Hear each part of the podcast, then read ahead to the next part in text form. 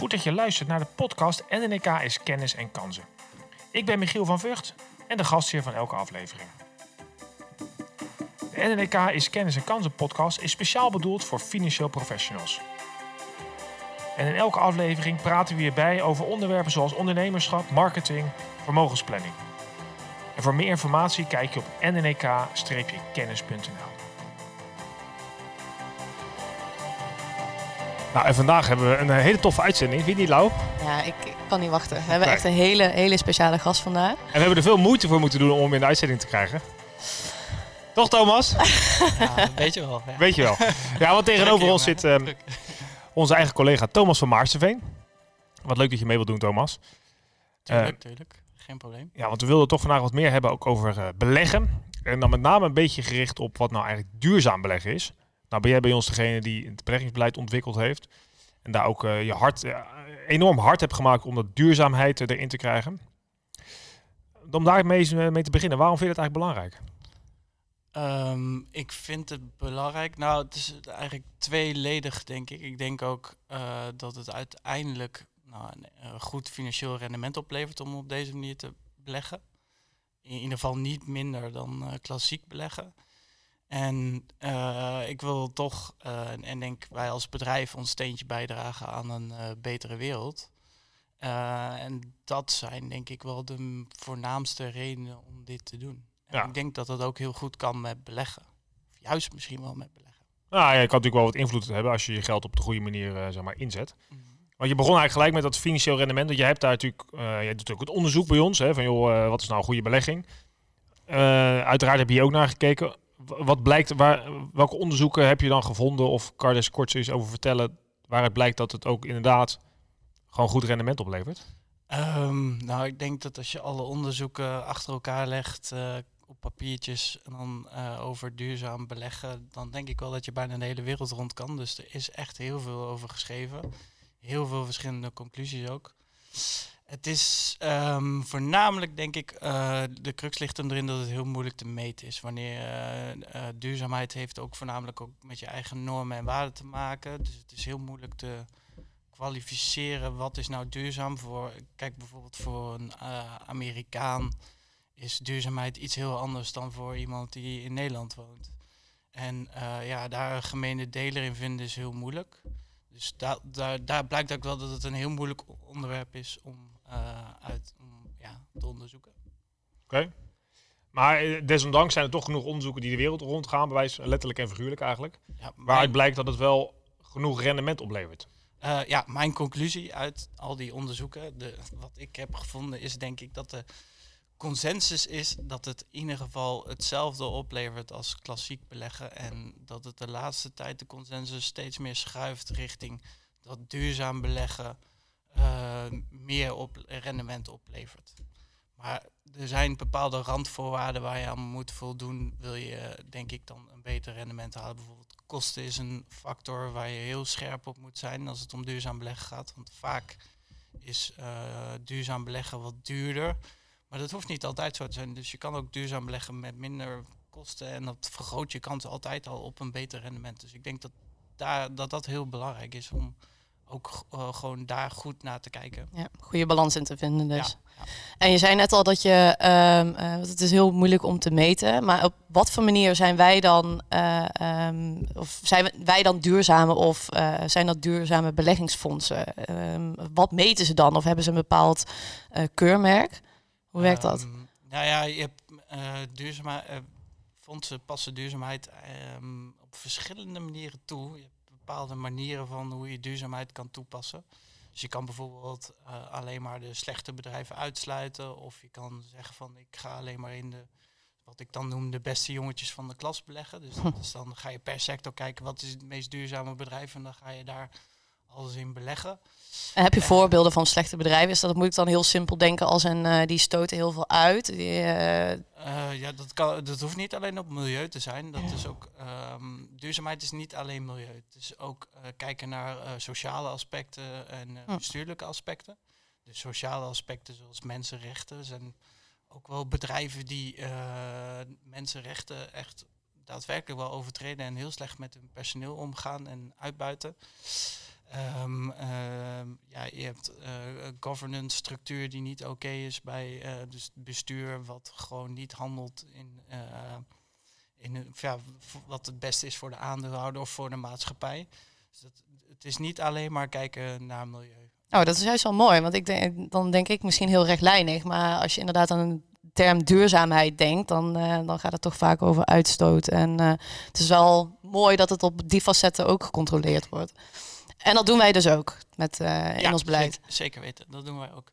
Ja, uh, alle, uh, duurzaamheid wordt vaak in drie termen weergegeven. In het Engels dan ESG, Environmental, Social en Governance. En alle drie die aspecten kijken wij naar als we naar duurzaam, duurzaam, als wij duurzaam beleggen.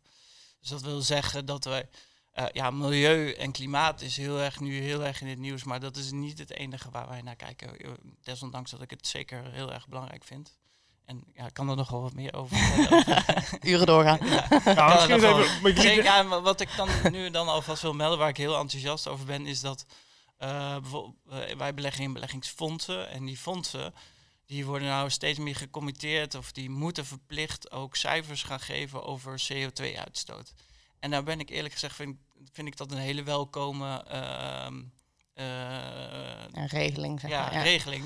Want daar kan ik echt gewoon, dan kan ik echt gaan kijken van welk beleggingsfonds belegt nou daadwerkelijk in hele vervuilende bedrijven als het over CO2 en klimaat gaat. En daar kunnen we dan ook beter ons uh, beleggingsbeleid op afstemmen. Dus het maakt uh, de, de, data die er komt, wordt steeds meer, steeds uitgebreider. En dat maakt het wel beter om te kijken hoe duurzaam je belegt, waar je naartoe wil. Uh, daar kun je heel goed een beleid op, op maken. En ja, daar word ik altijd wel blij van.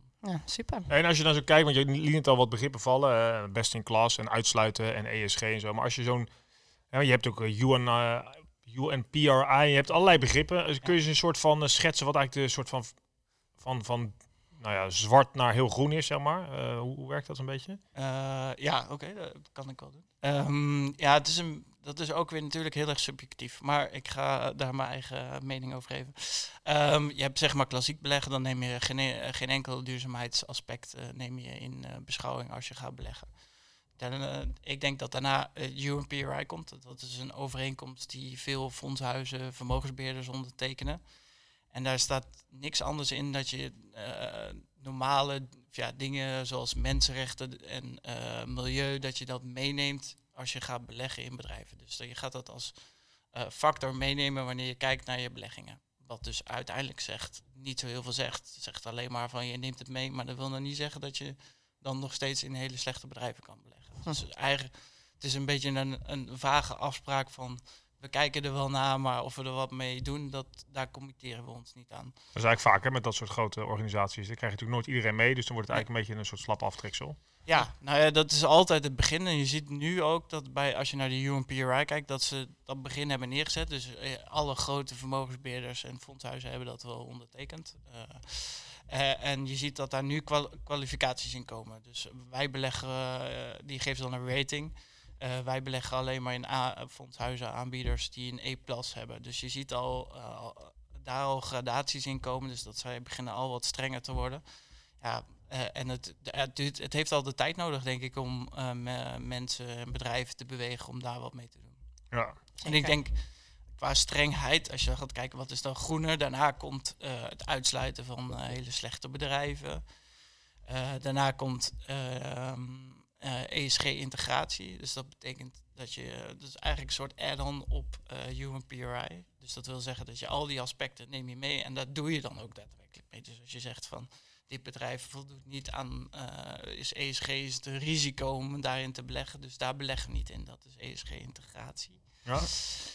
Um, ja, daarbinnen valt ook nog um, engagement. Dat vind ik persoonlijk heel erg belangrijk. Dus uh, als een uh, fondshuis of een belegger ziet van dit is een bedrijf en die overtreedt mijn normen en waarden op mensenrechten bijvoorbeeld, of, of, weet ik veel wat, dan worden die bedrijven daarop aangeschreven. Dus zeggen van oké, we vinden jou op zich een goed bedrijf, maar dit moet echt verbeterd worden, willen wij erin gaan beleggen. Of als je hier niet iets aan verbetert, dan gaan we onze belegging terugtrekken.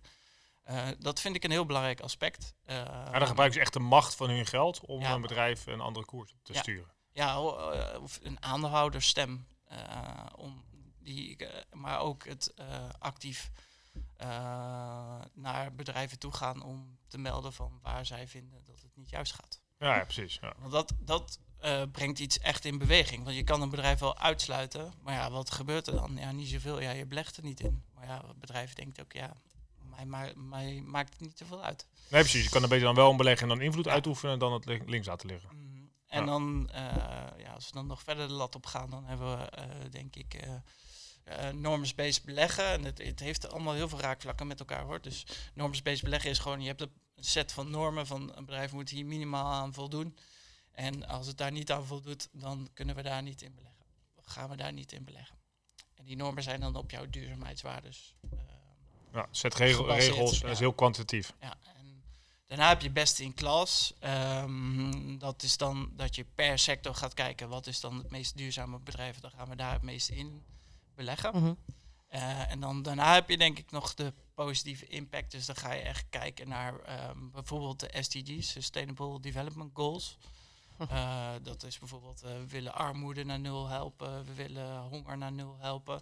Dus dan ga je echt beleggen in bedrijven die daarmee bezig zijn. Dus dan ga je echt beleggen in bedrijven die positief daar naartoe willen gaan. En ja, dus ook bijvoorbeeld op klimaat, dat ze in eh, over vijf jaar eh, nul CO2 meer willen uitstoten. Dus dan ga je echt in bedrijven die positieve impact willen creëren. En ik denk dat je daarna wordt het al bijna eh, ja, liefdadigheid. Wat je dan, ik weet niet of dat nog echt beleg is. Ehm, eh, dan ga je bijna die kant op. Misschien dat een beetje in windmolens en hele schone energie specifiek beleggen. Vind ik ook al een beetje positieve impact. Maar dan ga je een beetje die regio op.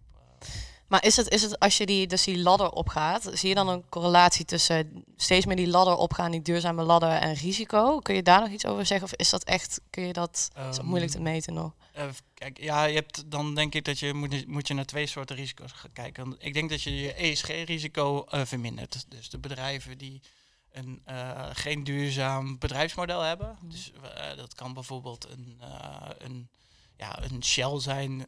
die, is, ja, die pompen nu olie op, maar in de toekomst eh, hebben we daar misschien niet zoveel behoefte meer naar, want we gaan naar een CO2-vrije maatschappij. Eh, dus ehm, dat risico vermijd je dat een bedrijf geen bedrijfsmodel meer Mhm. heeft. Dus die haal je eruit. Het andere risico waar je naartoe gaat is dat je, eh, ehm, dat je wat minder spreiding hebt misschien. qua namen waar je in belegt. Ja. Omdat, je alleen, ja, omdat je je eigen universum een stuk in beperkt. Ik denk dat dat verwaarloosbaar is uiteindelijk. Oké. Ik Ja? denk niet dat dat, geen, dat dat niet zo'n risico is. Nou, als je kijkt naar een aandelenportefeuille, en dan is echt de theorie erover ehm, dat als je al belegt in 25 verschillende bedrijven en dan maximaal eh 5% in een bedrijf, dan heb je al een goed gespreide portefeuille. Ja, en onze portefeuilles Ja. zijn eh veelvoud daarvan, toch? Ja, en onze portefeuilles hebben duizend verschillende namen erin zitten. Ja, en dan eh, precies. Dus eh, qua spreiding denk ik dat je ja, eh, dat dat niet zo'n risico is als, zoals ik er naar kijk. Maar ja, als je alleen maar in individuele aandelen gaat beleggen, dan kan het wel een risico worden. Maar ja, als je maar 25 namen hebt, verschillende sectoren, en niet te veel in één naam, dan heb je al als het goed is al een goede, goed gespreide portefeuille. Oké. Oké, en, eh, en betaalt het zich ook uit? Dat kun je ook nu meten, hè? Van joh, ja, je krijgt in ieder geval hetzelfde rendement als klassiek of misschien zelfs beter. Ehm, nou, ik heb het toevallig eh, laatst gemeten. Leuk Oh, dat je... Leuk toeval- dat je- nou, toevallig. Hoe weet je dat maar ehm, ja, ik heb het laatst gemeten. Ik heb gemeten naar onze... eh, wij beleggen een groot deel van onze portefeuille in duurzame indexfondsen. Die heb ik naast indexfondsen gelegd eh, die geen duurzaamheidscriteria hanteren. Daar heb ik de kosten allebei, die heb ik eruit gehaald. Dus dat we niet kijken van wat, naar kostenverschil. En daar zie ik eh, eh, dat eh, nou, sommige fondsen doen het wel beter, sommige doen het ietsjes minder. En dat heb ik over drie jaar gemeten, sinds dat we begonnen zijn met deze strategie. En ik zie dat als ik het allemaal optel en ik kijk naar onze neutrale portefeuille, dus daar zit 50% aandelen in, 50% obligaties, dan is de toegevoegde waarde van duurzaam beleggen in de indices, waar, indexfondsen waar we beleggen, 0,2%. Dus het is Oh. Ja, een kleine toegevoegde waarde. Maar ja, ook, ik zou zeggen, over drie jaar verwaarloosbaar. Dus de theorie die... ehm, Maar zijn, zijn die kosten dan ook gemiddeld 0,2% hoger of valt het wel mee?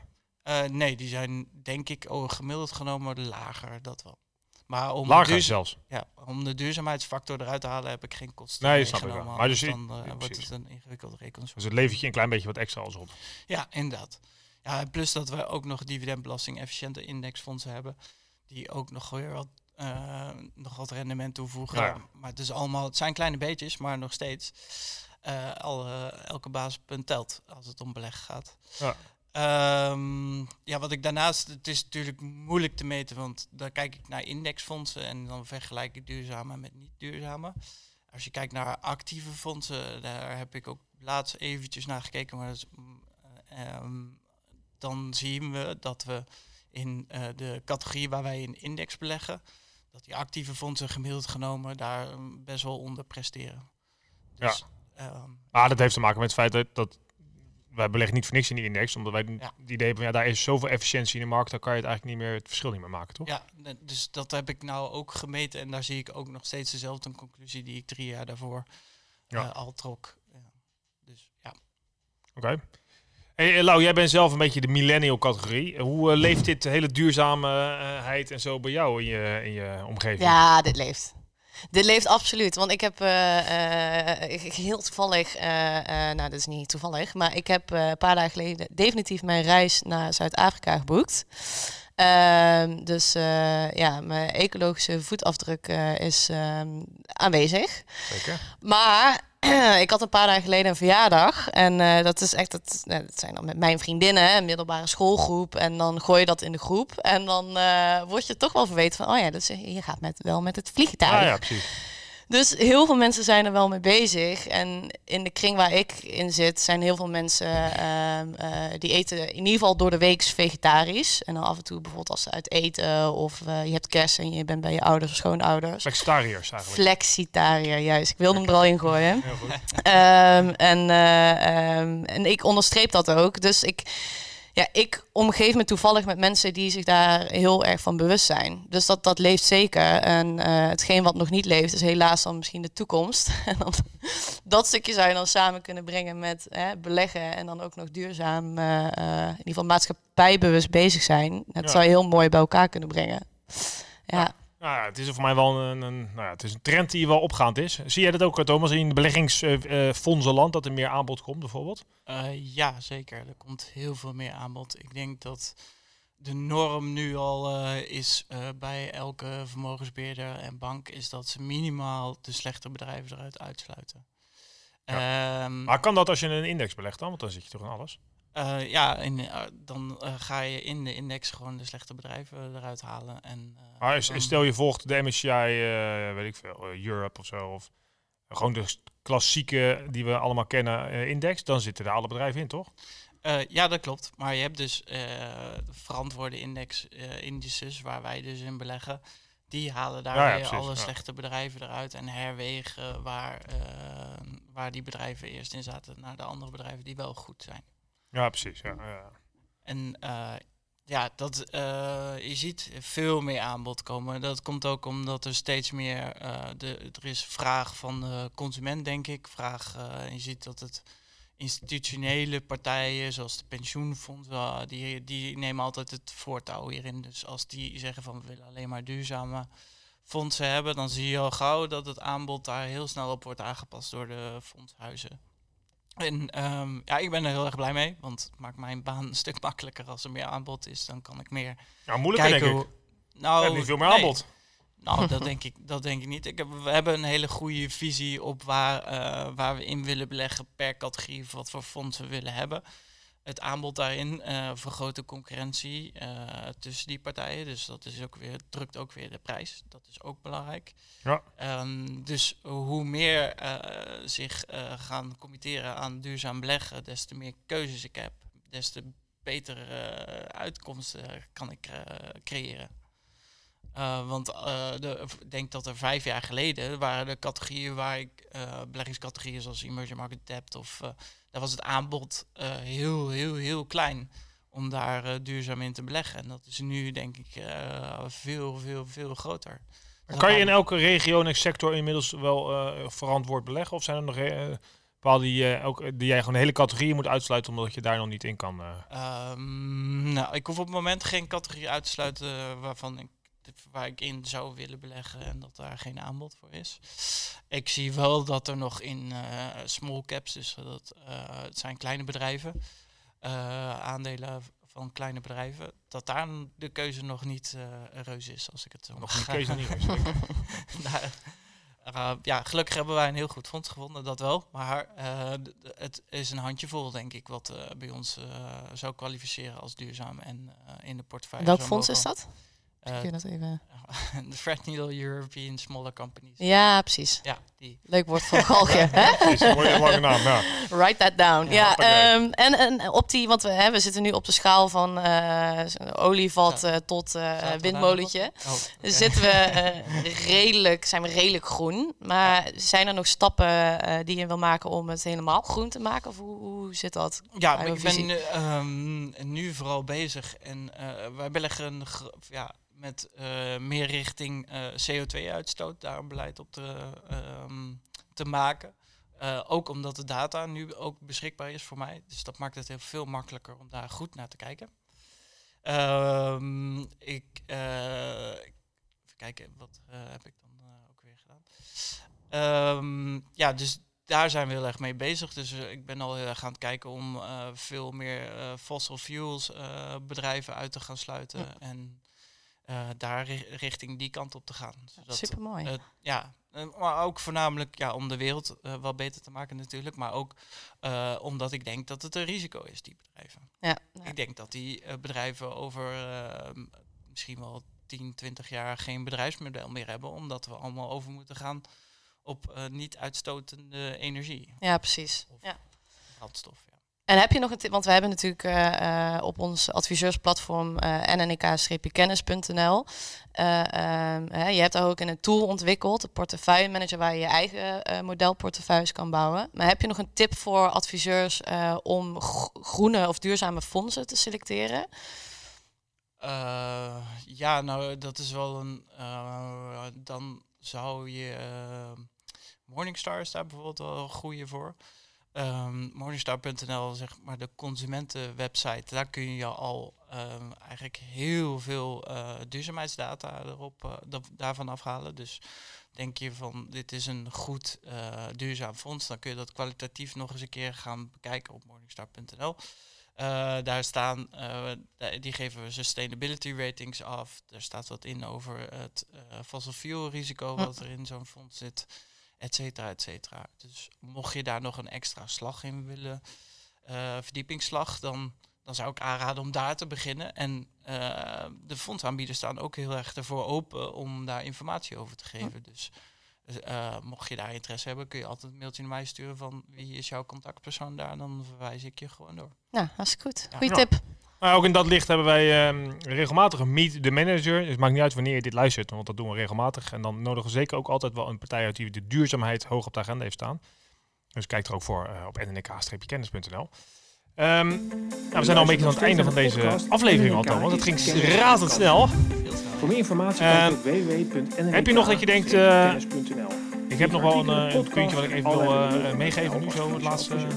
Last minute? Eh, last, last minute. Oh, dan zet je me wel on the spot. Eh, nou, lees vooral mijn beleggingsmemo, want daar heb ik heel erg mijn best op gedaan. Ja. En die is ook Je ik luistert nog steeds naar de leuk, Ja, precies. Ja, staat op kennis. En Oké. ja, streep kennis. Dan kan je hem terugvinden met eh, een. eh, ze doen er mooie voorspellingen. Nee, nee, nee. Geen. Ja, wel voorspelling. Althans, het iets met een groene broek te maken. Nee, toch? ja, Hele, hele strakke groene broek. Strak, Ja, ja. iets van eh, met Hans en zo. Nou ja, gaan we vooral lezen. Dat is absoluut de moeite waard. Dankjewel Thomas dat je hier bij eh, ons te gast wilde zijn. graag gedaan.